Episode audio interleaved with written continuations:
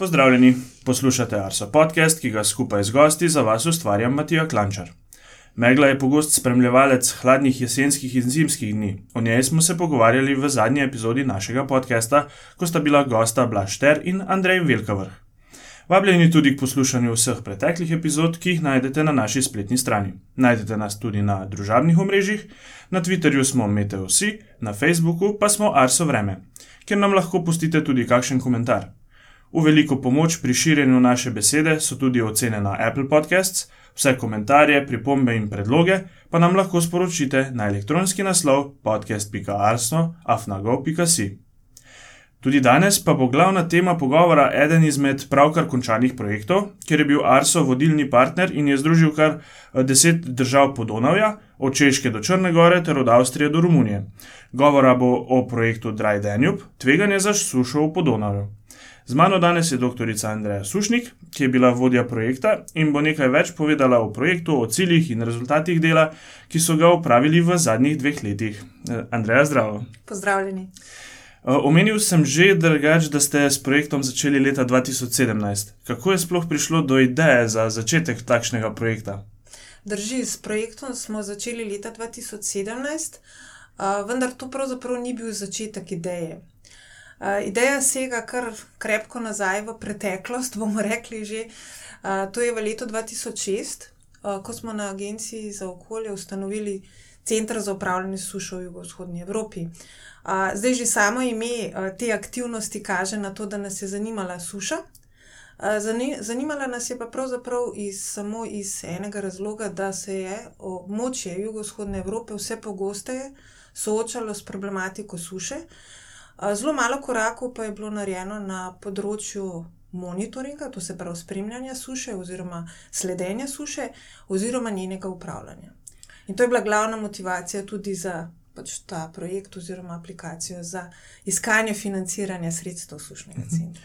Um, lepo si recimo dala mi istočnico za drugo vprašanje, ki je bil v bistvu, kaj je bil sploh glavni cilj tega projekta Dry Danube. Vam lahko mogoče o tem malo več tudi zdaj le poveš. Začela si pa že. Ja, motivacija, kot rečeno, je problematika suše. Ne? Vemo, da problem postaja vse bolj uh, ažuren uh, v tem prostoru, uh, malo pa imamo resnično uh, kvalitetnih orodij za spremljanje pojava. Uh, in to je bila pravzaprav ena vsebinska motivacija.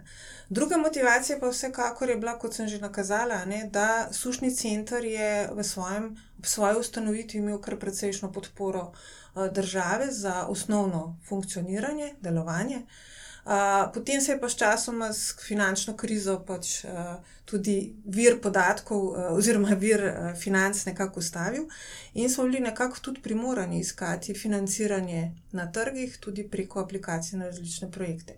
No, in ta ugodna uh, priložnost se je pojavila v letu 2017, ko smo pač dobili uh, možnost, da se prijavimo na, na uh, to projektno delo. Uh, seveda, kaj pa smo. Uh, Zakaj pa smo se tega lotili na ta način? Ker se je v mestu tehnologija spremenila. Znanost nam nudi pač več možnosti, da dobimo nove podatke in da lahko bolj ažurno in kvalitetno spremljamo sušo. Uh -huh. uh, Dotaknemo se mogoče malce tudi bolj tehničnega dela projekta. Omenil sem že na začetku v vodu, da je v projektu sodelovalo kar deset držav. Um, mogoče lahko na tem mestu poveš, s kom vse, s kateri partnerji so bili, mogoče kire službe druge so še sodelovali v tem projektu.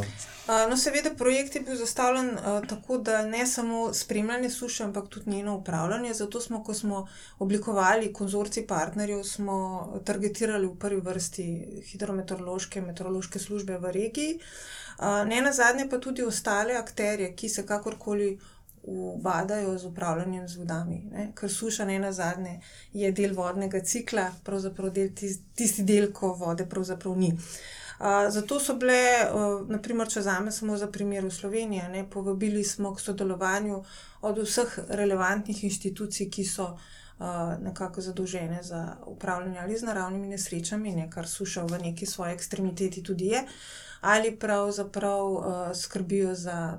Uh, Sledenje naravnih nesreč, oziroma v tem primeru suše, ali pa vodnega menedžmenta. Tako da precej široka paleta partnerjev je bila, kot rečeno, večinoma ta tehnični del je bil na meteoroloških službah, uh, potem pa seveda tudi uh, ta, uh, bomo rekli, ukrepanje vezano na zakonodajalce. -huh.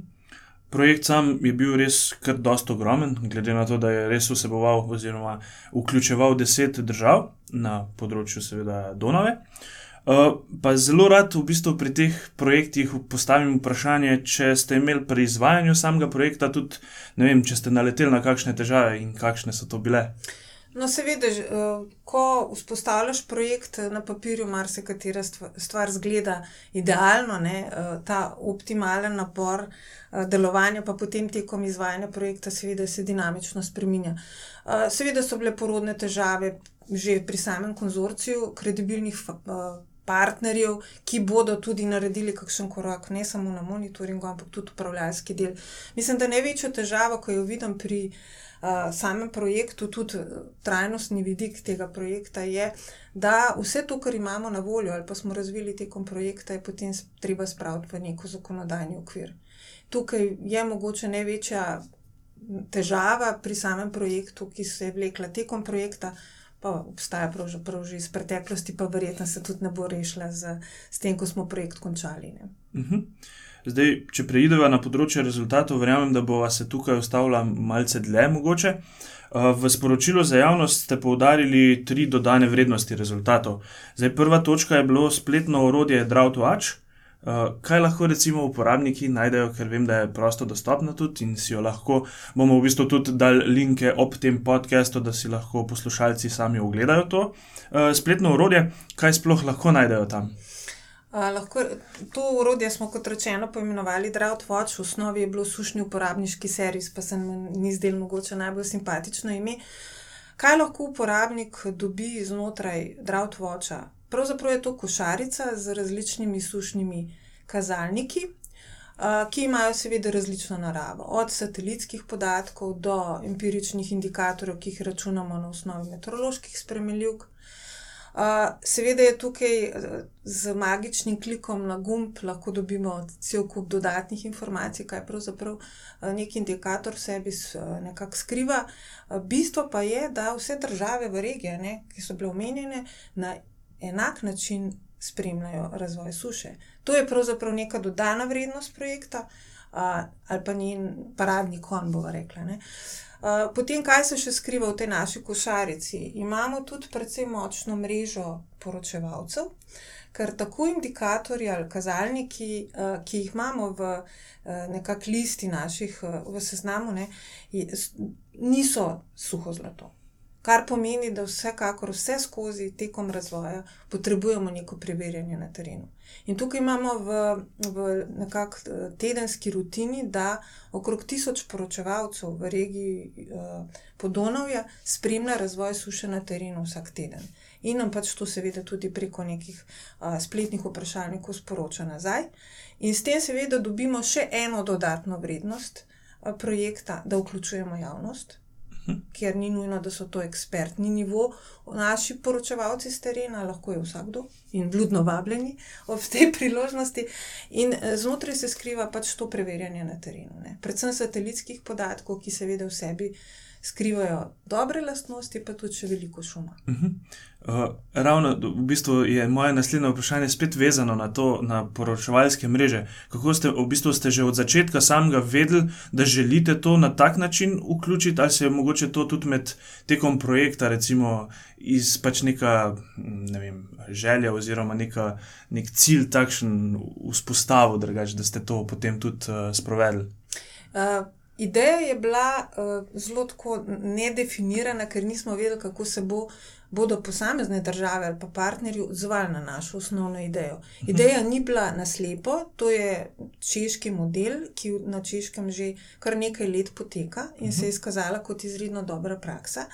Uh, tekom projekta pa smo želeli nekako narediti, razširiti to idejo po širši regiji Podonovja. Uh, kot rečeno, nismo vedeli, kako se bodo države odzvale, ampak moram reči, da eh, tukaj ta volonterski del zgodbe, ne, to se pravi, da se nam v to mrežo vključuje ogromno volonterjev, nas je zelo prijetno presenetilo.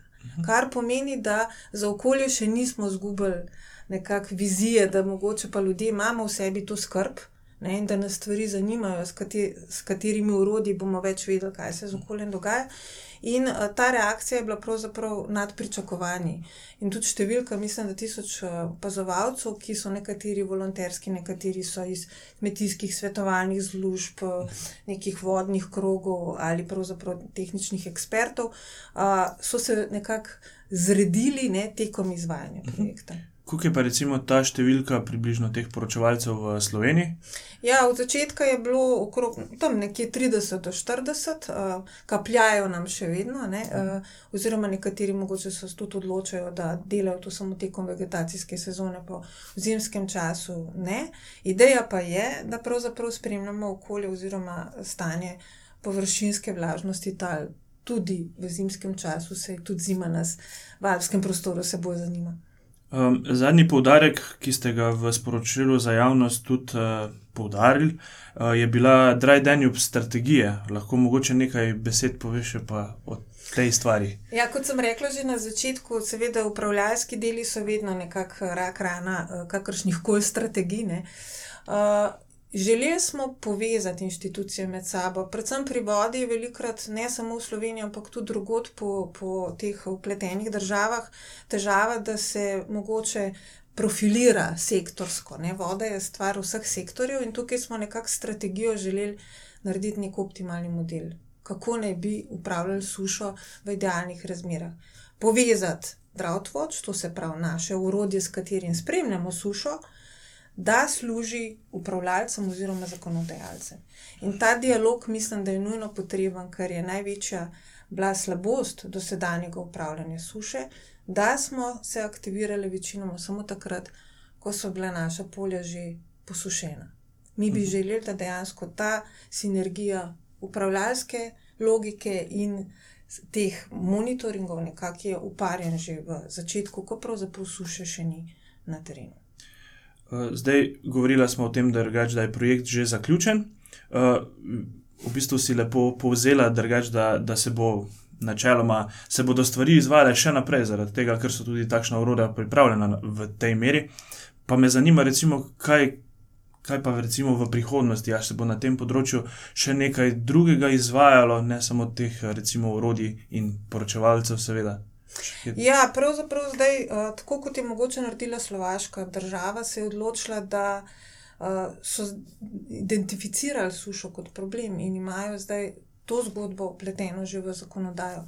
Uh, ker smo se vedeli na Arsu, imamo tudi obeh, obe plati medalje, to se pravi tako monitoring kot upravljalski del, se mi zdi na mestu, da uh, urodja oziroma tudi pri, pričakovana strategija, da uživi nekako ugleda luč sveta uh, v upravljalskem smislu. To se pravi, da se sprot vključujejo uh, novi indikatorji, ki jih dobivamo glede na nove podatke, če govorimo o delimskem zaznavanju, boljša resolucija podatkov prihaja z boljšo karakteristiko, z večjo natančnostjo.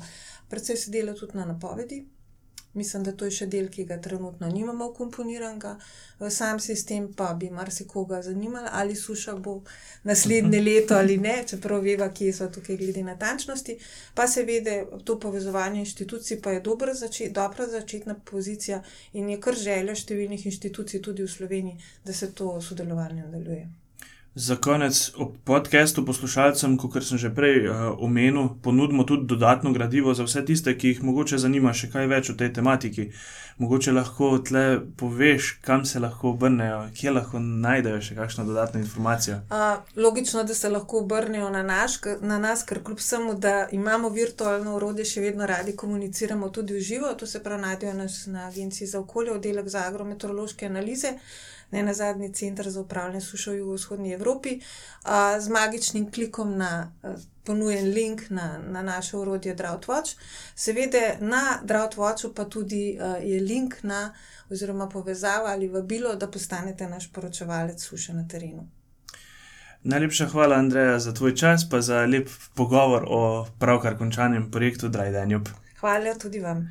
Hvala pa tudi vam, dragi poslušalci, za poslušanje in pozornost, obilo lepega vremena do naslednjič in se slišimo čez 14 dni.